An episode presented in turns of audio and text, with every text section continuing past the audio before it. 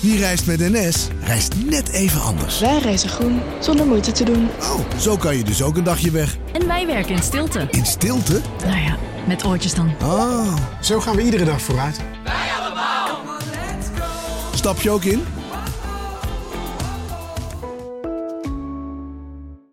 Een maatschappij waarin iedereen meedoet. Een gezonde, groene en rechtvaardige wereld. Daar willen jij en heel veel andere mensen best iets aan bijdragen. In het klein en in het groot. Dicht bij huis en ver weg. Zo hebben we vorig jaar 349 miljoen euro bij elkaar gebracht. Miljoenen waarmee onze goede doelenpartners de wereld elke dag een beetje beter kunnen maken. Nationale Postcode Loterij. Samen voor een betere wereld.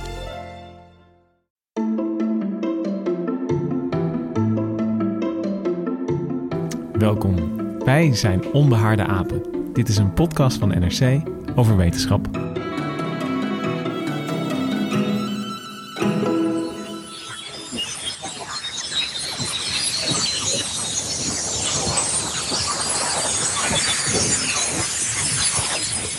Klinkt een beetje als oerwoudgeluid wat achterstevoren wordt afgedraaid. Ja, ik dacht ook eerst dat het vogels waren, maar toen dacht ik, dit is iemand die eh, eh, een, een boodschap vanuit de ruimte binnenkrijgt en, hem, en, en de draaiknop op de goede fre- frequentie probeert af te stellen. Of het is een, eh, een grot vol ijskristallen waar allerlei blinde vissen wanhopig om hulp roepen. En dat weer kaatst dan... eh, Ja, ik, ik, laat jullie, ik vertel het jullie gewoon helemaal niet. Ik laat jullie in het ongewisse en jullie mogen de hele uitzending mogen jullie gewoon gaan raden wat het is. Is dat een leuk idee? heel leuk idee.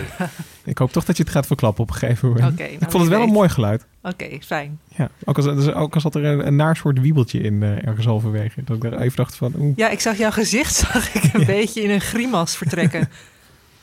Maar eh, nou ja, voordat jij dat dan straks hopelijk gaat onthullen, eh, had, had ik eerst een vraag voor jullie. Konden jullie goed uit bed komen vanochtend? Eh, ja, eigenlijk. eh, Zien we er zo slaverig uit? Ja. Nou, ik, ik, ik vraag het omdat eh, ik, ik merk zelf dat ik echt naast mijn bed sta om zes uur 's ochtends echt eh, vrolijk en, eh, en vief. Omdat het zo vroeg licht is. Ik vind dat heerlijk. Dat helpt me zo erg bij het opstaan. Ik, ik heb echt al het gevoel, de dag is al begonnen. Eh, laten we beginnen. ja, maar het is ook laat donker. Dus gisteravond kon ik al niet in slaap komen. Mug in mijn kamer. Buren die buiten zaten te barbecuen. En licht dat mijn kamer inscheen. Nou In mijn ervaring zijn er twee factoren die het uit bed komen verhinderen. Dat is laat naar bed gaan, kom je er niet zo makkelijk uit. Of eh, drankgebruik. Dat is ook fataal voor eh, de wilskracht bij de ochtend. en vooral eh, ook bij het in slaap komen valt mij wel vaak op. Ja, daar heb ik niet zo'n last van.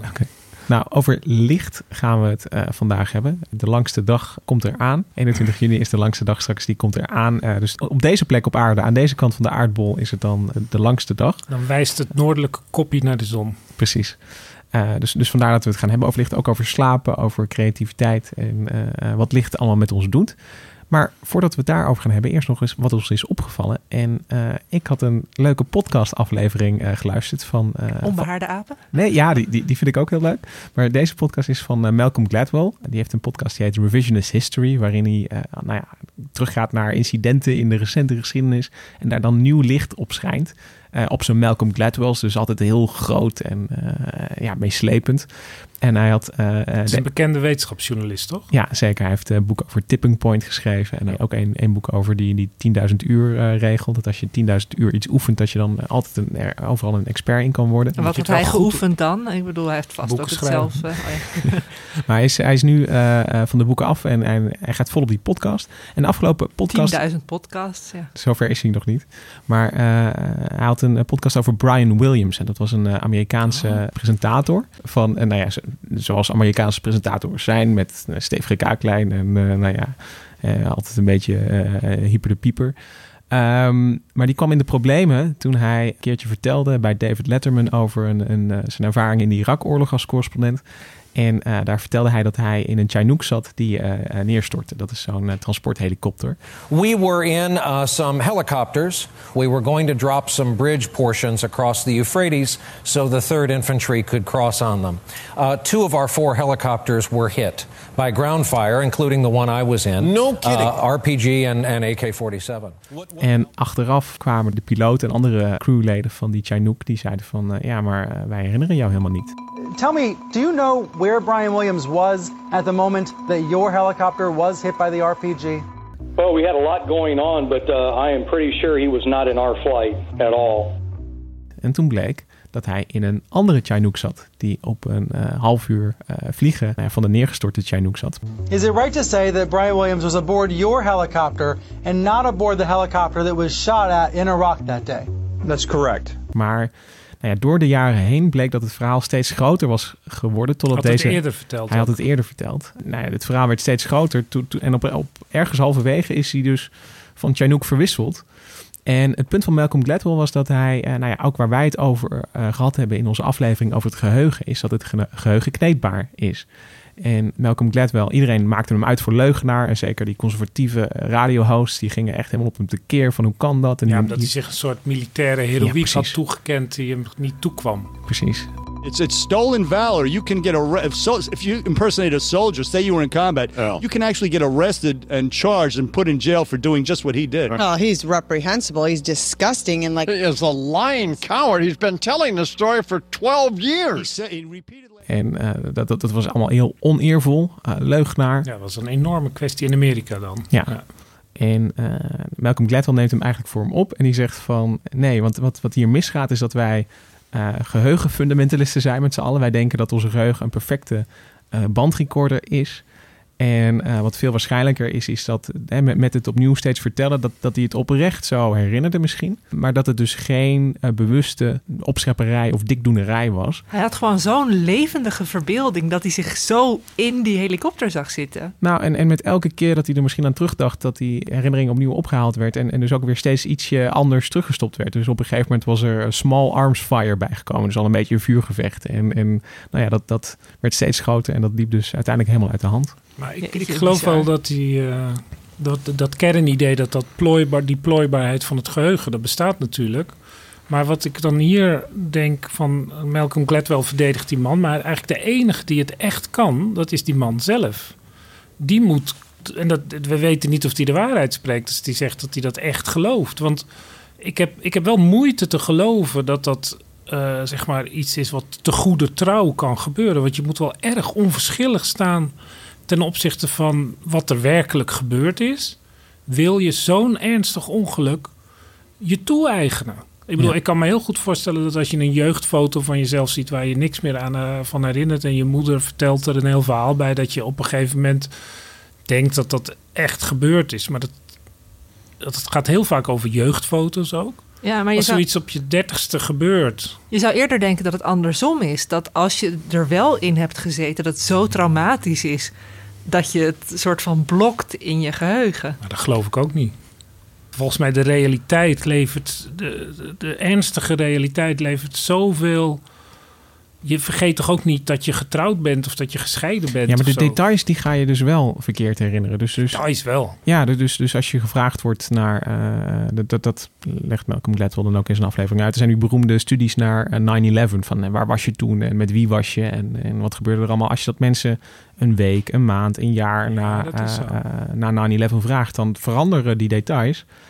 En uh, als je mensen daarmee confronteert, dan zeggen ze: Nee, ik weet niet waarom ik dat een half jaar geleden zo heb opgeschreven. Dat, uh, nee, dat klopt niet. Ik was echt, uh, ik stond buiten de, de plantjes water te geven mm. toen ik het hoorde. En terwijl ze een half, half jaar geleden zeiden ze, net na, zeiden ze dat ze binnen stonden tv te kijken. Dus. Ja, het zijn dat mensen die dan ook een steen op hun hoofd hebben gekregen of zo. Nee, maar je hebt toch ook Nee, dat is bij iedereen zo. Je hebt nee, ook ik al bedoel met mensen getuigen, die er nou bij betrokken zijn.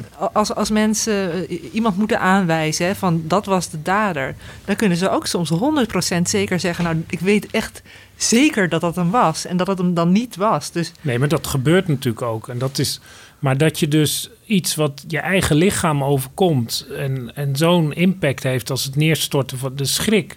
Ik ben wel eens, uh, toen ik uh, tien was of zo, uh, plotseling van de kade het water ingevallen. En dat moment, de omstandigheden ben ik totaal vergeten, maar dat moment waarop je het water raakt, of dat je ineens realiseert het vliegtuig gaat neerstorten, ja, dat, dat kan je niet kan je niet verzinnen. Nee, maar, misschien... nee, maar, maar ik, ik snap jouw sceptisch. Maar jij zei ook van uh, die, die, die persoon die moet, het, die moet het uiteindelijk diep in zichzelf kunnen kijken en, en zien wat er wat Ja, of, of, je daar iets oneerlijks mee heeft gedaan of niet. Maar hij, dat is, was het leuk. Dat je hoorde ook een, een fragmenten van zijn goedmaken-interview. Dat hoort dan ook in, in Amerika. Dat je, dat je terugkomt en dat er dan een interview komt waarin je sorry zegt. I was not trying to mislead people. That to me is a huge difference here. This came from clearly a bad place, a bad urge inside me. This was clearly ego driven, the desire to better my role in a story I was already in. En je ziet de vertwij- of je hoort die vertwijfeling van die man. Hij snapt het zelf ook niet. Hij zegt: Ja, ik denk dat het mijn ego is geweest, maar ik weet het ook niet Nee, zeker. dus het is niet zo dat eh, hij komt niet over als iemand die het probeert goed te praten. Nee. Nee, maar want hij was een schrijver. Nee, en, Hoor- ja, een ja, journalist, ja. een presentator. Ze Ja. zeggen altijd, een schrijver liegt de waarheid. Dus wie weet is hij zo in zijn eigen leugens gaan geloven. Dat, dat, dat zou dan Malcolm Gladwell gelijk geven, inderdaad. Dat, Ik moest zelfs nog even denken aan Zelstra en zijn Dacia, maar dat voert misschien een beetje te ver voor nu. Misschien dacht Zelstra op een gegeven moment echt dat hij daar had gezeten. Ja, als je het maar fijn. Laten we vandaag een leugen verzinnen en kijken of we er over een tijdje echt in geloven. Ik, eh, ik stel voor dat we nu met, eh, nou noem eens een beroemdheid, dat we nu met Rutte hier in de studio zitten. Nee, nee, nee, nee. Hoe het echt gaat is dat eh, ik ga jou een verhaal vertellen over hoe ik afgelopen weekend met, met Rutte koffie heb gedronken. En op een gegeven moment ga je dat zo vaak vertellen dat op een gegeven moment jij met Rutte hebt gedronken, koffie hebt gedronken. Dus Ja. Dat is wat er gebeurde met Zelstra uiteindelijk. Ja, jij was laatst bij de koning. Nou, doen we alsof ik... Ja, goed. Goed, genoeg over andere podcast. In deze podcast gaan we het vandaag hebben over licht. En om precies te zijn, de schaduwkanten van licht. En dat treft, Gemma, want jij hebt een boek geschreven over licht, toch? Ja, nou zei ik net al, een schrijver liegt de waarheid. Dus misschien moet je niet alles geloven wat erin staat. Nee, Eh, maar waar ik... ehm, ik heb een boek geschreven over licht, inderdaad. Eh, over de positieve kanten van licht, maar ook over de donkere kanten van het licht. Eh, niet zoals Pink Floyd zegt, dark side of the moon, maar de dark side of the sun.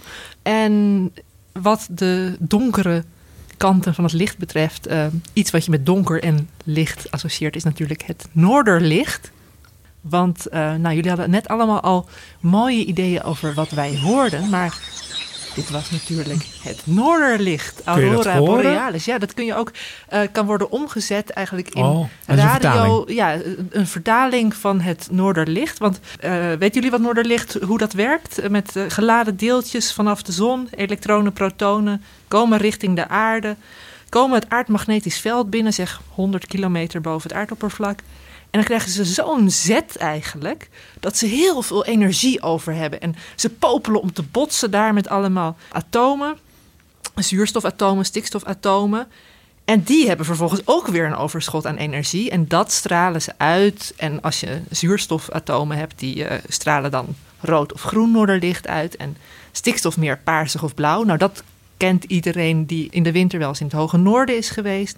Maar er zijn dus ook mensen, zelfs ook een Nederlander op de Lofoten, die is erin gespecialiseerd om met allemaal apparatuur dat noorderlicht hoorbaar te maken. Dus zeg maar als ja, radiogolf. Ik bedoel, het licht is natuurlijk ook een, een, een, een golfverschijnsel. En, eh, En wat, En- wat, en- wat, en- wat maakt die dan? Eh, die straling van die ionen die door die eh, kosmische straling worden veroorzaakt, die stralen ook radiostraling uit en dat zet hij om in geluid. ja, dit, dit, dit was overigens niet door hem gedaan hoor. Maar hij heeft allemaal apparaten inderdaad die op, op zo'n mechanisme gestoeld zijn dat je eh ernaar kunt luisteren. Als het, als het een keer bewolkt is en je ziet geen noorderlicht, kun je tenminste nog een mooi Oh, concert leuk. bijwonen. En het is in het noorden omdat daar het magnetisch veld zwakker is, omdat daar de veldlijnen weer terug in de nou, aarde gaan. je hebt ook een zuiderlicht, Aurora Oh ja, Australis. Dat alleen daar ook natuurlijk. daar wonen veel minder mensen bij in de buurt. Ehm, ja, je kunt het af en toe vanuit Nieuw-Zeeland zien, maar dan zit je eigenlijk al op een vergelijkbare afstand als wij vanaf het, het noorden. En ja, Scandinavië is toch nog redelijk dicht bevolkt. Hebben jullie het wel eens gezien, Noorderlicht? Ik heb het nooit gezien zelf. Niet in het echt. Het, eh, maar goed, eh, eh, langste dag in plaats van kortste dag. Dus we moeten het eigenlijk niet over voortdurende duisternis, maar over voortdurend licht hebben. Eh, dat heb je natuurlijk ook in het hoge noorden, de middernachtzon. En eh, nou, Lucas die vroeg ons al naar ons slaapgedrag. En ehm, ja, zowel te veel als te weinig licht kan natuurlijk een behoorlijke invloed hebben op je stemming. Zelfs zodanig dat er in Nederland 500.000 Nederlanders aan winterdepressie schijnen te lijden. Is dat En- een officiële diagnose eigenlijk? Of is dat, is dat toch een soort eh, volksterm? Een soort de pseudo-wetenschap. Nee, dit is echt. eh, Er, er wordt. eh, je, je kunt een milde. Je kunt de winterblues hebben. Een beetje wat moeiiger en iets meer zin in zoet en vet eten en een beetje chagrijnig. Maar er zijn ook mensen die echt met, met ehm, testen die depressie aantonen, winter na winter na winter steeds weer depressief raken. En, ehm, En in de lente gaat het dan weer over. ja, nou dat is dus wel het interessante eraan. Want winterdepressie is eigenlijk een beetje een te, te nauwe term. En in het Engels noemen ze het ook de Seasonal Affective Disorder. When I moved to United States from South Africa, I arrived in New York City in 1976. I expected a lot of things to be different, but the one thing I didn't really count on, which turned out to be one of the biggest differences, was the light. And when I arrived in New York City, the days were long. It was in the middle of the summer, and I seemed to have boundless energy, and it seemed like just the place to be. But after the daylight savings time change, suddenly a sort of fear hit me. That first day when the afternoon was dark so early, and then winter came. And suddenly I had a sluggishness and a lethargy and a difficulty creating, producing that I had not experienced before. And I thought, what on earth is this? And then spring came and things improved unaccountably. And I thought, well, what was that fuss you were making about? It's not so bad. And that it was an experience I had three years in a row through my residency. Nou, dat was Norman Rosenthal en hij is de grondlegger van SAD, dus die Seasonal Affective Disorder heeft een hele mooie uh, Ja. afkorting. En nou ja, je, je hoorde hem al steeds weer die terugkerende somberheid. Maar Hendrik, jij vroeg net al van gaat het in de lente weer over? Bij hem dus wel. Maar ehm, zo makkelijk komen we er niet van af. Want je kunt ook in de zomer last hebben van een winterdepressie. Dat is knap. ja. Dat zijn Eh, Australiërs dan? Of? Nou ja, nee, maar ook, ook wij. Ehm, nou, het NRC-gebouw is toch vrij donker. Nou zitten we met de wetenschapsredactie nog op een mooie lichte plek.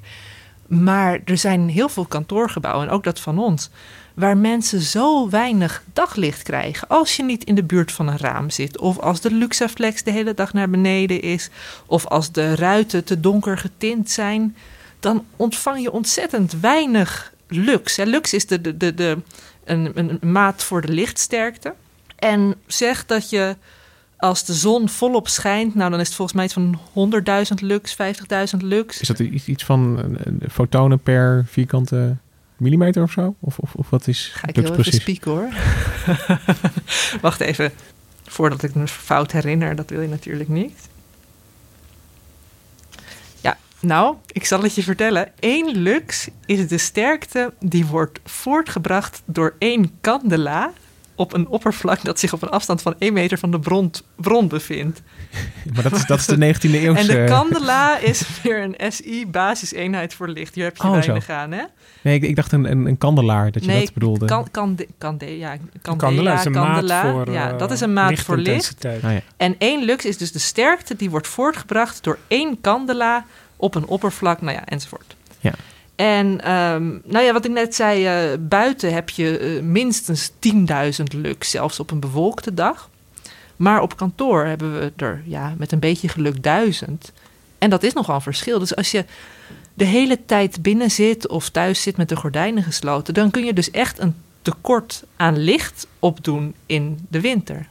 Maar moet je er dan gevoelig voor zijn? Want Of in de zomer. Ik denk dat niet iedereen zal dat overkomen. Het is niet dat, Nee, dat de mensheid eh, allemaal eh, somber wordt door die... De, er zijn ook misschien andere omstandigheden, misschien genetische gevoeligheid. Of zo. Ja, het is zeker genetisch eh, speelt ook een rol.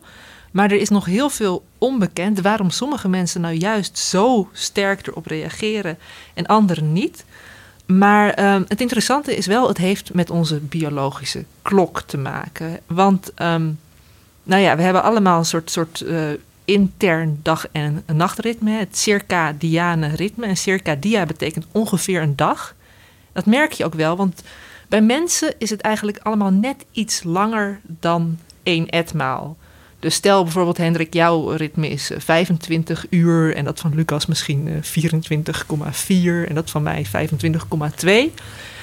En dat zorgt er dus eigenlijk voor dat het heel erg uit de pas loopt met ons dagen die helemaal op een 24-uursritme zijn, ehm, zijn gestoeld. En dus eigenlijk in de 18e eeuw hebben ze al ontdekt dat er zo'n soort innerlijke klok bestaat bij alle dieren en planten. Dat was door onderzoek aan het kruidje roer me niet. Nou ja, dat eh, sluit ook. Een van de gevoeligste planten ja, die ja, we kennen. nou ja, goed. Misschien zijn sommige mensen, de gevoelige mensen, die zijn dan vergelijkbaar met zo'n kruidje roer me niet. Eh, nou ja, daar ontdekten ze aan dat dat kruidje roer me niet, als het 24 uur per dag licht ontvangt, dat het zich dan alsnog opent en sluit. Maar dat, dat plantje heeft juist een iets korter ritme, 22 uur per dag. Ehm, lang verhaal kort. Wij lopen een beetje uit de pas met dat, dat eh, normale ritme. En mensen die een wat afwijkende innerlijke klok hebben, dus inderdaad mensen die dan 25,4 misschien eh, hebben, die kunnen dan heel gevoelig ervoor zijn als de dagen gaan lengen of juist weer korter gaan worden. Want wij hebben onder andere, eh, als het donker wordt, dan maakt ons lichaam melatonine aan. Nou, iedereen kent dat wel. Wordt ook wel het duisternishormoon genoemd. Kun je ook kopen bij de drogist, toch? Ja, Altijd precies. Maar dat schijnt, ja, sommige mensen zeggen ook van die pilletjes zijn zulke lage doses dat het meer een placebo-effect is dan dat het echt enorm. eh, Om mij in slaap te vallen. Ja, maar mensen. goed, alleen al het idee dat je melatonine slikt, dat helpt voor sommige Misschien moeten we mensen. dat dan niet bekendmaken. Oh ja. Goed, jongens, geloof, blijf vooral melatonine slikken. Nee, maar ehm, in de winter wordt het natuurlijk vroeger donker en wordt weer later licht. Dus je lichaam maakt gedurende een langere periode melatonine aan.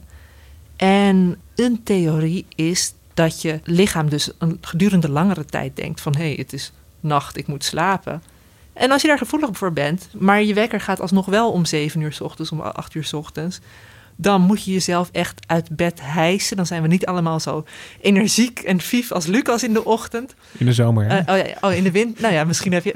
Ben, jij wel somber in de winter? Ik denk dat iedereen in het, de zomer. Ik denk dat bijna iedereen het gevoel toch wel herkent. Dat dat eh, in, in, in, de winter een soort ja, die, ja, die sloomheid die, eh, die, die Norman Rosenthal net beschreef. Weet je, wel, een beetje dat lethargische, ja, dat herken ik wel. Ja, dat. eh, nou ja, maar ik, ik, moet, ik moet nog zeggen, wat, wat je net zei over die dieren. Ik herinner me ineens een nieuwtje van een half jaar geleden. hadden ze een, een spin ontdekt in Australië, geloof ik. Die werd dan in het donker gehouden om te kijken van wanneer is die actief en niet. En die had een, een circadiaan ritme van, eh, van 16 uur of 17 uur. Dus, eh, Dat schiet lekker Ja, op. die, ja, eh, precies. Dus de, de, kop, slaapt iedere dag uit. Dus. ja, de, de kop van het artikel was die, dat dat spinnetje elke dag ongeveer een jetlag ervaart. Van, eh, super heftig. Ja, die zit- ja, die ik zit zijn ben hele leven- compleet verrast. Oh, het is nu donker nu ik wakker word. ja, Ja, die zit je- zijn hele leven in een permanente jet, jetlag. Zo'n heel verhaal over melatonine. Maar ik dacht dat, dat, dat je klok ook gewoon voortdurend gereset werd. Dat- Ja, dankzij licht. Dat is wel het hele interessante. Ook hoe kun je een winterdepressie ehm, verhelpen of verminderen? Door ochtends fel licht. Dus dat je eigenlijk die melatonineschakelaar in je lichaam wordt uitgezet. En dat je lijf weet, hé, hey, het is dag. En dat is ook wel weer interessant, want je leest het de laatste tijd steeds vaker van geen computerschermen, geen smartphone-schermen meer, net voor het slapen, want er komt allemaal blauw licht af. Nou ja, licht bestaat natuurlijk uit allemaal golflengten, allemaal kleuren. En wij hebben een eh, eiwit in ons oog, melanopsine. En dat is heel gevoelig voor dat blauwe licht. En als je dan s'avonds te veel blauw licht nog ontvangt, dan eh, maakt je lichaam geen melatonine aan. Dan blijft het maar denken, oh, het is dag, het is dag. Ja, ja. Dus dan verschuift je biologische klok ook weer op een heel interessante wijze. En ik had het net al over die zomerse winterdepressie, maar mensen kunnen ook weer last hebben van een zomerdepressie, om het maar helemaal vrolijk te maken. En dat is weer dat je niet of nauwelijks kunt slapen in de zomer. Dat je echt helemaal, eh, hoe noem je dat? Dat het te lang licht is. Dat ja. je een delirium krijgt. Ik moet denken aan eh, Insomnia met El Pacino. Ja, ja, ja. Of nooit meer slapen van Willem Ja. Frederik Hermans. Dat je gewoon echt een soort gek wordt Ja. door dat continue licht. Het is in, eh, ik ben wel eens op IJsland geweest en daar is het inderdaad vrij bizar. Dat je dan, eh dan was het, ik was niet in hoogzomer, ergens in mei. En dan is het twee uur donker. Ja. Dat is vrij desoriënterend. Dan Ja. moet je dus echt vrij gedisciplineerd eh, de verduisteringsgordijnen op je hotelkamer dicht doen. Ja, jij, jij wel, maar dat is het interessante. Want juist de IJslanders zijn genetisch zitten die zo in elkaar... dat zij dus niet vatbaar zijn of nauwelijks vatbaar zijn voor winter- en zomerdepressies. Dus iedereen die daar op vakantie komt wel. Maar eh, de IJslanders hebben geluk, want verder in Scandinavië en zo... over het algemeen is het hoe, eh, hoe noordelijker je komt... hoe meer mensen last hebben van een winterdepressie. En in Groenland vooral hebben ze juist ook heel veel last van die zomerdepressies. Ook aantoonbaar zijn er meer Omdat zelfmoorden ze dan te lang in een iglo blijven zitten. Nou, oh, wacht nee, in- even. In, in, in, eh, de zomer, dus juist inderdaad dat er veel dan... licht en dat ze dan slecht slapen. Ja, of misschien, eh, ja, misschien in hand in hand met alcoholgebruik. En wat ook wel leuk is, is dat de Noren en de Zweden en de Finnen... die eh, hebben weer wat tegen die winterdepressie. eh, namelijk, zij gaan gewoon lekker naar buiten. Die gaan skiën en sneeuw reflecteert natuurlijk ook nog weer zonlicht. Dus eigenlijk zitten wij in Nederland met het rotweer. We hebben geen sneeuw of ijs dat ons in de winter naar buiten lokt. Alleen maar een soort miserig druilweer. Alsnog moet je dan eigenlijk naar buiten om een lichtje te gaan Ja, want ik schrok een beetje van die Rosenthal, die eh, psychiater of wat was het, die van Zuid-Afrika naar New York ging, die we net hoorden. En, want New York ligt heel zuidelijk. Ja. Dat ligt ongeveer ter hoogte van Athene, volgens mij. Ja. Dus eh, als die man naar Nederland was gekomen, dan was het helemaal fout gelopen, denk ik. helemaal, eh, ja. Nou ja, maar er is dus wat aan te doen. eh felle, fel licht in de ochtend. Maar dit, dit- wat ik het leuke vind is dat, eh, nou ja, puur en alleen het feit dat we seizoen hebben, is, is omdat onze, eh, de aardas een beetje gekanteld staat ten opzichte van onze eh, draairichting rond de zon. En dat is lang niet voor alle planeten zo. Dus, Nou, dus volgens mij staan ze allemaal wel een beetje scheef hoor. Ja, maar niet zo scheef als de aarde. De aarde staat behoorlijk scheef. Nou, Dus op Ura- andere Uranus staat het scheefst van allemaal. Echt Dus die ligt echt op zijn kant. Oké. Dan zie je de helft van het jaar alleen de Noordpool en de andere helft van de baan om de aarde zie je alleen de Zuidpool. Als je daar naar, van ons naar kijkt. Ja.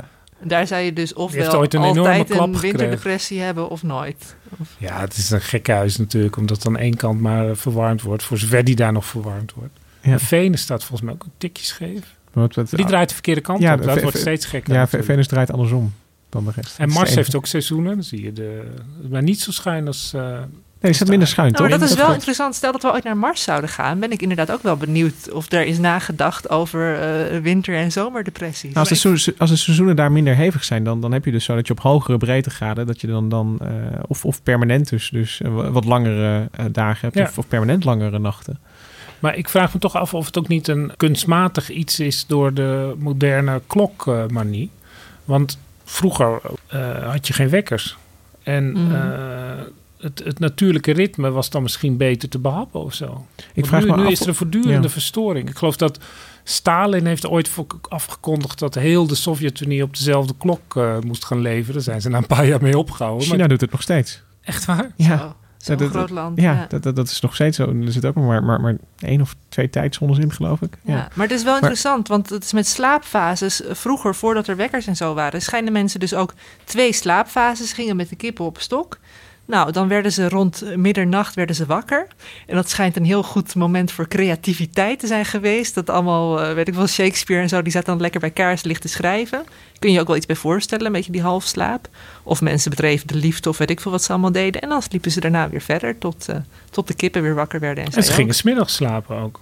Ook nog. Nou, ze sliepen Dat was, eh, Ja, ze sliepen in ieder geval een stuk meer dan wij In tegenwoordig. de 19e eeuw kan je je niet voorstellen, werden de fabrieken in het begin eh, s smiddags gewoon stilgezet. Want dan ging iedereen een ja, eh, dutje doen. het is Edison die met zijn gloeilamp, want hij had zelf sl- sl- sliep hij niet zoveel. Dus hij dacht van nou, eh, kom op, we maken een gloeilamp en dan eh, kan iedereen lekker de klok rond productief zijn.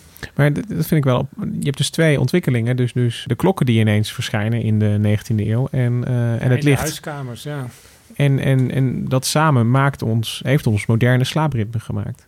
Ja. Ik bedoel, wat, wat, wat misschien best wel ver afstaat van hoe mensen zelf, als je ze, ze zonder klokken en, en Ja, kunstmatig licht Nou, ze hebben allemaal experimenten gedaan, zeker in de jaren 60 van de vorige eeuw. Dan kwam die chronobiologie, die tak van sport die dus naar onze eh circadiaan ritme onderzoek deed, kwam in opkomst. Gingen ze dus bij dieren het kijken. Ze staken vinken ook de ogen uit om te kijken hoe ze dan reageerden. Maar ze stopten Mooi. ook mensen in bunkers of in grotten om te kijken. En die werden ook, die konden helemaal niet meer bijhouden wat, wat dag en wat nacht was. Maar die, die, die hebt dan toch je eigen ritme? Of raak je dan in de war? Je hebt toch ja, maar na een 24 tijdje uur? dan doe je een hazenslaapje en dan denk je dat je acht uur hebt geslapen of andersom. Ja, ja. eh, het is wel moeilijk. Het is behoorlijk desoriënterend, zo'n eh, zo'n leven in de duisternis. Ja, je hebt, eh, aan de Sowieso Universiteit natuurlijk. Groningen heb je ook een, een speciaal eh, slaaplaboratorium waar mensen worden ingestopt en dan eh, ja, weten ze eigenlijk. Ze hebben geen klokken daar inderdaad, dus ze weten gewoon niet wat ze overkomt. Maar het was wel leuk, want we hadden het net even over die productiviteit. En je kunt eigenlijk wel zeggen dat licht ons misschien wel productiever maakt, maar niet creatiever. Althans, dat uh, vond Duitse psychologen. En um, om dit experiment op een hele kleine, totaal niet wetenschappelijk verantwoorde wijze te achterhalen, wil ik jullie vragen even pen en papier te pakken. En uh, Lucas, wil ja. jij heel intens aan een donkere ruimte denken? Met mijn ogen dicht doe ik dat even. Ja, dat is goed. En daarna die gedachte vasthouden. En Hendrik, ga je juist aan een heel fel verlichte ruimte denken. Of kijk even hier boven je in het licht. En okay. dan wil ik jullie vragen om allebei een alien te gaan tekenen. Gewoon het eerste wat in je opkomt, hoe jij denkt dat een alien eruit ziet. Maar Hendrik en ik kijken allebei best wel veel science fiction. Ja. Dus is het dan een goede opdracht of juist niet? Uh, dus dan, zijn jullie aan, dan zijn jullie aan elkaar gewaagd. en dan uh, zijn Mirjam en ik zo meteen de twee koppige jury die gaat beslissen. Maar jullie mogen niet weten wie, van wie wie is. Nee, hè? oh ja, nee, dat is waar. Nee, we kijken even de andere kant op terwijl de heren hier naast ons aan het tekenen zijn. Nou jongens, jullie hebben nog um, 10 seconden en dan moet hij af zijn. Echt waar? Dat is snel. Ja, een be beetje onder druk een alien kunnen tekenen. Dat, uh, dat moet iedereen eigenlijk wel kunnen. Ja. Oké, okay, nou ik denk dat het de tijd wordt om jullie blaadjes in te leveren. En het idee is dus dat duisternis je creatiever maakt. Dus het zou moeten betekenen dat Lucas de meest creatieve alien van jullie beiden heeft getekend. Is, is dit, dit hebben ze dus met een grote groep proefpersonen hebben ze dit uitgevoerd. Nou, ik zal even een korte omschrijven. Oh, dit is wel... Uh, Lucas heeft iets getekend. Het lijkt nog het meest op een puntzak friet. Met ik wat... dacht dat het anoniem was. oh ja, sorry. Ik, ja, goed. Ik heb toch een beetje gespiekt. Um, ja, een soort puntzak friet met wat krulletjes en uh, uh, ook wat stijl haar en nou, een soort slagtanden erbij. En, oh, kijk je naar dat soort films? en Hendrik heeft een soort gatenkaas op wieltjes getekend met een paar ogen op stokjes erbij. Mirjam, uh, wat vind jij de meest creatieve? Ik ben sowieso diep onder de indruk van jullie tekenkunst, maar... Dit is het Cookie Monster, vind ik eigenlijk. Lijken net twee koekjes. Nou, is dat goed of slecht? Uh, patat en koek, daar moet ik eigenlijk tussen. Ja, we hebben honger. We hebben... ja, um, nou ja, laten we eventjes voor, voor het uh, experiment zeggen dat Lucas de meest creatieve heeft gedaan. Want zo. Uh, voor, nou ja, ik, eis, ik eis een nulmeting. De, de psychologen gingen er ook wel van uit. Ze zeiden van ja, denken aan een donkere of lichte ruimte, dat is misschien niet helemaal representatief. Nee, je moet dus een donkere of een lichte ruimte ja, moeten ze zetten. Vervolgens plaatsten ze ook nog sommige beroepspersonen in een donkere of een schaars verlichte of een heel fel verlichte ruimte. En dan kregen ze een uh, vraagstuk, namelijk hoe bevestig je met een doosje punaises een kaars aan de muur? Nou, het antwoord ga ik niet verklappen. Dat mag iedereen lekker thuis gaan proberen. In een donkere, dan wel lichte ruimte. Met niks anders. Ja. Druk je hem door de lont heen. Ik ga het niet verklappen. Ja. Het is wel interessant. Ja, dan, dan breekt hij af natuurlijk. Je kan hem ja. ook... Nou, niet de rest van de... zit de lont een beetje los. Ja. Jongens, uh, we gaan door uh, naar de... Maar de, maar de, dus, wat dus voor punaise? Is, dat is, is, is het idee dat, dat uh, donkerte uh, de creativiteit beperkt? Of, of, of, of uh, bevordert? Ja, duisternis. Omdat je dan, um, nou ja, net een beetje als dat nachtelijke uur waar ik het net over had, dat je dan, ze zeggen van ja, dan heb je minder het idee dat er iemand mee kan kijken. Dus dan ga je onbewust, uh, durf je meer te brainstormen of te associatief te denken. Maar, maar nou is creativiteit dus. natuurlijk heel moeilijk te meten. Maar is het niet zo dat als je uh, mensen in omstandigheden brengt die voor hen ongewoon zijn, mm -hmm. dat ze dan creatiever worden of zo? Ja, nou dat is wel. Je wordt altijd uitgedaagd in een omstandigheid die uh, verre van normaal is. Mensen die bij plaatranden woonden, uh, waar dus veel aardbevingen en vulkaanuitbarstingen waren, die schijnen ook creatiever te zijn geweest dan mensen die dat niet deden. Dus inderdaad op rare plekken. ja, die zijn er dan weer aan gewend natuurlijk. Ik, zit, ik moet ook een beetje denken aan goddentekeningen natuurlijk. Dat, uh, ja, het zijn natuurlijk ook donkere plekken waar, oh, ja. waar, waar verbeelding... Ja, en, maar dat en, is ook... Ja, de paar die ja, zeggen precies. dat, die, dat zijn de enigen die we Ja, bewaard hebben. ja. En alles Ja. wat ze buiten tekenen is weg. Nou, wie weet, over 2000 jaar is de tekening van Lucas nog bewaard gebleven. En wordt Als, het als er- we hem in God leggen wel.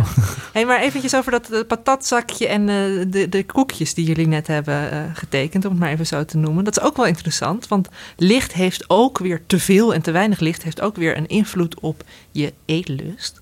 Andere onderzoekers die hebben namelijk gekeken dat als je. eh, ze hebben mensen bekeken in een felverlichte ruimte die aan het eten waren en mensen die romantisch bij kaarslicht aan het eten waren. En wie denken jullie hadden meer behoefte aan zoet en vet eten? Je, je had het net al even over dat we in de winter zoeter en vetter eten. Dus Ja. dan zou ik, als je, met die kennis zou ik zeggen dat de mensen bij het kaarslicht eh, wat, wat meer eh, zoet en vet willen. En de mensen in het daglicht eh, zeggen, doe mij maar een slaatje. Ja, nou precies. Goed. maar het, het, het goede nieuws is tegelijkertijd dat die mensen wel minder eten. Dus die. In het donker zitten. ja. Oh, oké. En je, waar ik dus altijd over na zit te denken is: wat nou als je bij de snackbar komt? Daar is het heel fel verlicht. Dus je hebt eigenlijk volgens deze theorie zin in gezond eten. Maar dat is er niet. Maar je, Je hebt hebt- ook je veel zin in veel eten. Dus dan bestel je maar een grote portie patat. Zou ja, het de zo wetenschap werken? werkt altijd dat je één effect dan eh, heel specifiek gaat meten. En dan lijkt het heel wat. Maar als je gewoon door het leven gaat, dan zijn er zoveel factoren die je naar die snackbar drijven. Ja, je, je hebt de stap al naar binnen gezet waarschijnlijk- natuurlijk. Ja, dat licht... eh, Is dan je, maar, eh, je gaat ook niet naar de snackbar om sla te eten. En, en een snackbar die met kaarslicht ver- verlicht is, daar heb ik andere bedenkingen bij. Nou, het Ja. zou wel, wel interessant kunnen zijn om dat een keer uit te testen. Ik ben wel een keer ook eh, in een eh, eh, geheel duister restaurant geweest. Een blind date, blind eten. Blind eten met een blind daten, ja. Maar dan zie je dus eh, nog je gesprekspartner, nog, je, nog datgene wat je eet. Dat is Dat is ook super spooky. interessant. Want dan, nou, we hebben het twee afleveringen geleden natuurlijk al uitgebreid over smaak gehad. Anders had ik jullie nu nog even wat eh, proeftestjes laten doen. Maar ja, je, je weet gewoon soms echt niet meer wat je in je mond hebt. Die textuur is dan vreemd, de smaak is opeens heel anders. Dus dan zie je ook dat zicht naast eh, reuk ook heel veel invloed heeft op je eten. Op basis van wat je nu allemaal vertelt, dan, eh, dan is het bijna onvermijdelijk dat eh, al die eh, kerstetentjes op een soort schranspartijen, waar, waar je eigenlijk een beetje te.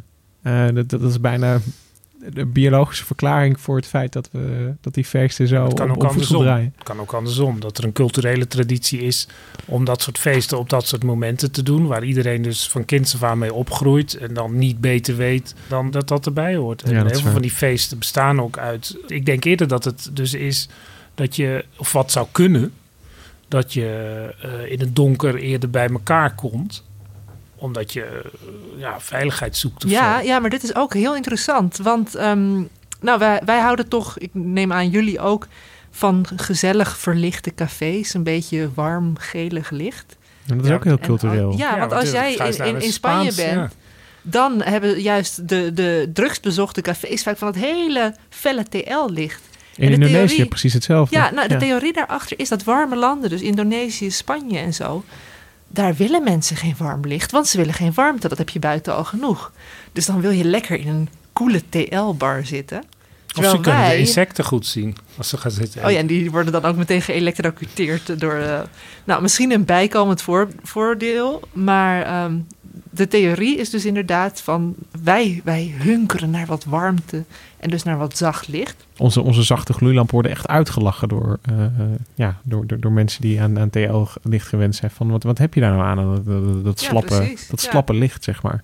Maar dat zijn dus allemaal tradities die niet verder teruggaan dan eh 120 jaar of zo. Want Nee. daarvoor, Ja, of zouden dan de Spaanse cafés met enorme kaarsen zijn uitgerust? eh, Nee, dat is wel grappig dat dat... eh, Nou, te veel, te weinig licht.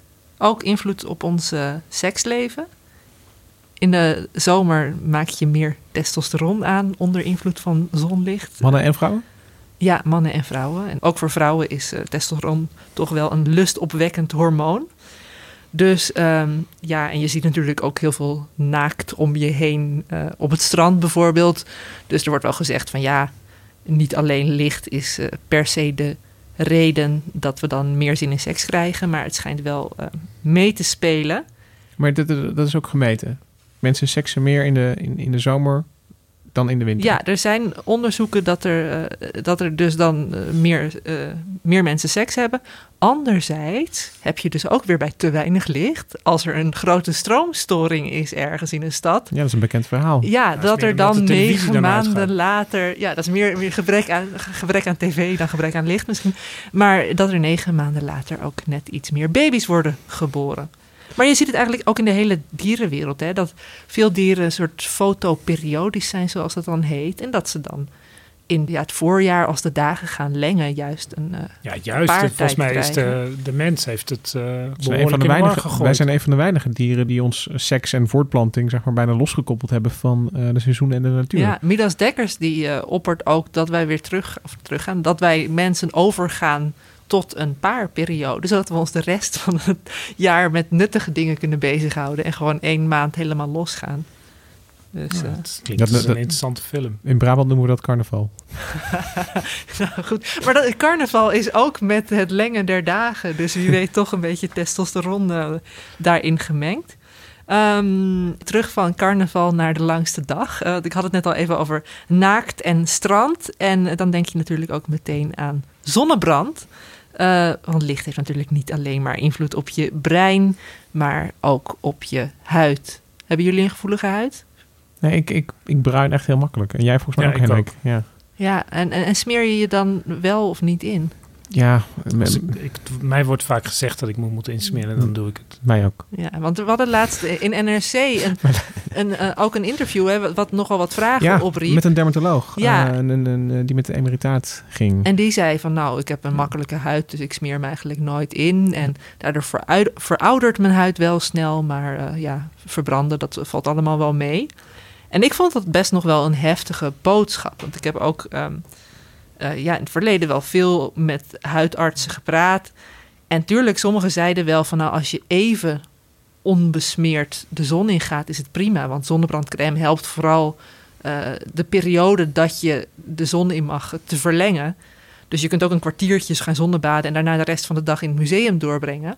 Maar alsnog is zonlicht en zeker verbranden kan wel heel schadelijk zijn. Allemaal melanomen, ja, uh, huidkanker. Ja, absoluut. Ik wil ook wel even corrigeren. Dat uh, ik, ik uh, kom ook helemaal niet zoveel in de zon. Ik, ik, heb helemaal niet een enorme voorliefde om nou heel snel in de zon te gaan liggen of zo. Dus nee. ik smeer me wel in als ik ga fietsen of zo. Of anders ja. naar buiten gaan. Maar, maar dat, juist dat af en toe de zon in, dat is ook wel weer lastig. Want ze hebben ook ontdekt dat mensen die een buitenberoep hebben. Nou ja, ik was laatst op die boot en dan heb je al die zeemannen. Nou, die zijn diep en intens gebruind. Uh, maar die hebben dan ook... Oh nee, zeelieden moet ik zeggen. Maar die hebben minder kans op van die hele kwaadaardige melanomen. Uh, omdat je dan dus een soort voortdurende dan is de, de gebruinde huid die je dan hebt, is dan een soort bescherming tegen die schade aan het DNA in je huidcellen. Ja, het is een soort gewenning treedt er eigenlijk met, op. Mensen hè? met een donkere huid kunnen ook verbranden, maar minder snel, dacht ik. Ja, en als je zelf al iets verder in de zomer, je verbrandt natuurlijk ook uh, Vooral aan het begin. veel sneller aan het ja. begin. En als je dan uh, eenmaal een kleurtje hebt, ja, dan zijn die pigmentcellen geactiveerd. En dan is ik het kom allemaal... nog uit de horrortijd dat, uh, dat dat allemaal niet zo bekend was van dat uh, bij de darm of huidkanker. En ik heb een broer waar altijd aan het begin van de zomer lieten we ons één keer helemaal verbranden. En dan hadden we de hele zomer nergens last van. ja, mijn moeder die zei ook wel eens, ja, af en toe, af en toe verbranden is goed voor je. Nou, inmiddels denk, wordt er dus toch wel anders over gedacht. Maar wat wel interessant is, is dat er ook uh, wetenschappers bezig zijn met het ontwikkelen van een zonnebrandcrème op basis van nijlpaardenzweet. Want uh, nijlpaarden die hebben een soort natuurlijke zonnebrandcrème, uh, waardoor ze lekker de hele dag... Kan een nijlpaard verbranden dan? Nou, zonder hun zweet zouden ze wel kunnen verbranden. Ik dacht dat zulke dikhuiden, ja... Nou ja, ja, de ja, maar de huid, de ja, huid kan toch wel ja. een soort knapperig korstje krijgen. Maar wij hebben het dan nog relatief makkelijk. Want er zijn ook mensen met een hele ernstige uh, vorm van lichtallergie. En die kunnen eigenlijk niet naar buiten als de zon schijnt. En een van die vormen is, nou moet ik het goed zeggen... erythropoëtische protoporfirie. Ja, vroeger werd ik wel eens buitengesloten. Dan zie je iedereen in korte broek en korte mouwen lopen. En dan zit jij zelf lange mouwen en lange broek. Dat is wel heel irritant soms. En wat denk je dan? Had ik het nou maar niet. Toen hij twee was en we waren op vakantie in Limburg, toen zwol hij op en we snapten er helemaal niks van. Nou, zo erg op een gegeven moment opgezwollen dat hij zijn handen niet meer, zijn vingers niet meer kon buigen. Zijn, de, zijn oorschelp, dat randje, dat was niet meer zichtbaar. Van die Shrek-oortjes. En de huid op zijn neus was gaan scheuren. Dan kom je bij een huisarts terecht en die zei: Nou, jullie zijn op vakantie in Limburg. Waarschijnlijk is hij allergisch voor gras. Ja, tuurlijk zeiden wij: We komen van de Veluwe. Um, gras kennen we wel. Nee, waarschijnlijk is het een allergie. Als je de brandnetels rolt, zo voelt dat.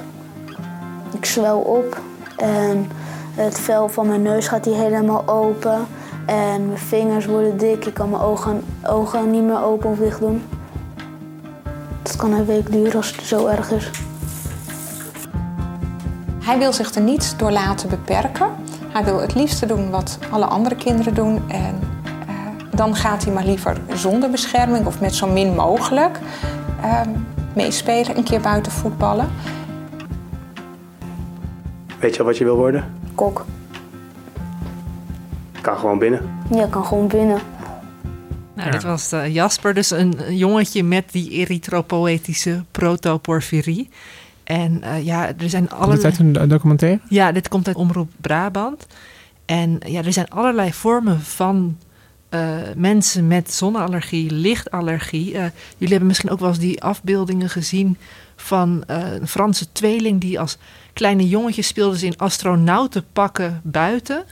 Ehm, dat is weer een andere vorm van lichtallergie, waarmee je zo snel eigenlijk huidkanker kunt ontwikkelen dat de meeste van die kinderen worden vaak niet ouder dan 10 jaar, maar die jongetjes die leven dus eigenlijk een hele leven binnen en die zijn nu al 20, 25. Maar die gaan altijd nog naar buiten in een door de NASA ontwikkeld pak.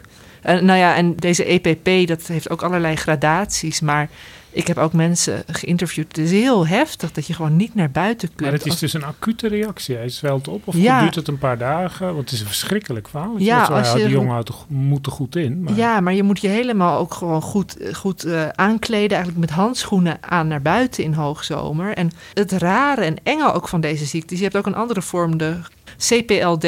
Chronisch polymorfe lichtdermatose. En ehm, mensen die kunnen dat opeens ontwikkelen. Wij kunnen dat ook opeens ontwikkelen. En nee, maar is het een, een allergische reactie zoals andere allergische reacties? Of, of is er iets bijzonders aan dit soort lichtallergieën? Ja, het is een soort ja, auto-immuunziekte. Ja. Het is wel zijn echt je immuuncellen die, die, ja, die je helemaal huid, aanslaan. Je huid reageert eigenlijk heel goed dus eigenlijk op zon. Want zon is nu eenmaal ook schadelijk voor ons. Maar het is heel dubbel met zonlicht. We hebben het ook nodig natuurlijk voor de aanmaak van vitamine D bijvoorbeeld. Maar eh, bij deze mensen denkt het lijf opeens weg. Soms, ik bedoel, dat EPP dat is ehm, meer genetisch, maar dat CPLD, onder andere antibiotica, worden soms als de boosdoener gezien. Eh, dat het dan iets triggert en dan ja, en dat je vanaf. voortaan eh, de rest van je leven dus eigenlijk op mooie zomerse dagen aan huis bent gekluisterd. En ik Dus vond die dat- zon er ontstaan bepaalde biochemische processen in je huid... die dan door het lichaam helemaal verkeerd herkend worden. Ja, dus op dat soort eh, momenten denk ik wel weer van... nou, ik ben heel blij dat wij gewoon eh, met korte mouwen, korte broek naar buiten kunnen. Maar Gemma, je hebt dus nu, nu heel veel verschillende kanten van licht laten zien. Maar ik ben eigenlijk een beetje verrast van licht heeft zo'n goede reputatie. En we begonnen deze aflevering ook met, met winterdepressie, dat dat zo'n probleem is. Maar je hebt nu al best wel veel eh, slechte kanten van licht eh, laten zien. Schaduwkanten zou ik bijna zeggen. Eh, eh, huidkanker, eh, lichtallergie. Het is slecht voor je creativiteit. Eh, Depressie. Ja, te, te dus veel dat- licht is inderdaad, maakt je ook depressief. Dus, dus moeten we eigenlijk tot een soort nieuwe waardering van, van licht komen? Moeten we... eh, Weg met het licht. Ja. Alle- allemaal naar de poolwinter toe. Ja, Ehm, het is een hele precaire balans eigenlijk. Hè? Je wil. we- het is net als met, eh, weet ik veel, onmogelijke liefdes. Je kunt niet met en niet zonder elkaar. En dat is eigenlijk ook precies wat wij, onze verhouding met de zon. Ik bedoel, zonder zon zouden we ook niet blij zijn, want dan eh, zou er geen fotosynthese plaatsvinden. Zouden we überhaupt niet eens kunnen ademen. Zonder zon zouden we geen vitamine D aanmaken, wat ook juist weer goed is voor onze botten. Zonder zon zouden we toch ook wel heel depressief worden. Eh, veel zoet en vet eten, maar in kleine porties. Eh, ons leven zou er niet per se op vooruit gaan. We zouden elkaar ook niet kunnen zien. Zouden we alleen maar naar podcasts zitten luisteren de hele tijd. Nee, dus, dus maar nou ja, kijk, wij zitten op een best eh, bijzondere plek, eh, op, op een best interessante breedtegraad, waarin we, lange winters en, en, en lange, of, of lange winteravonden en lange zomeravonden eh, hebben. Is, is het dan een, een goede plek om te zitten voor, met al deze kanten van licht in, in, in oogschouw nemend? Of, of, of kun je be- beter op de evenaar zitten, waar elke dag en nacht even lang is? Nou, op de evenaar is wel het voordeel dat je je lijf en je brein wennen aan een constante lichtinput. En dat is, nou ja, waar we het net al over hadden, goed nieuws voor je huid. Maar ook goed nieuws voor je stemming. Want daar heb je een heel consequent ritme. Dus uh, ja, misschien is dat dan toch de conclusie met z'n allen richting de Evenaar verhuizen. de zon achterna. De zon achterna. Nou, Rij naar regelmaat. maar eerst maar even genieten van de langste dag. Ja, dat gaan we eerst doen. Dankjewel. Nou, dit was een, een aflevering over licht. Um, bedankt voor het luisteren. Je kunt je abonneren op deze podcast. Dat kan in iTunes en in Spotify. Uh, we willen Mirjam van Zuidam even bedanken voor de montage ook weer deze week. En voor de jurering. En voor de jurering van de Alien-foto's. Uh, laat ook een recensie achter als je nou uh, ons leuk vindt of niet zo leuk. Ik bedoel, we willen het gewoon weten wat je van ons vindt. Dus laat iets achter en dan lezen we dat met veel plezier. Je kunt ons ook volgen op Twitter. Je kunt het account van NRC Wetenschap bijvoorbeeld volgen. Dat is NRC Wetenschap. We zijn ook allemaal zelf te volgen. ik ben Lucas Brouwers. Hendrik Spiering. Gemma JV. Tot de volgende keer.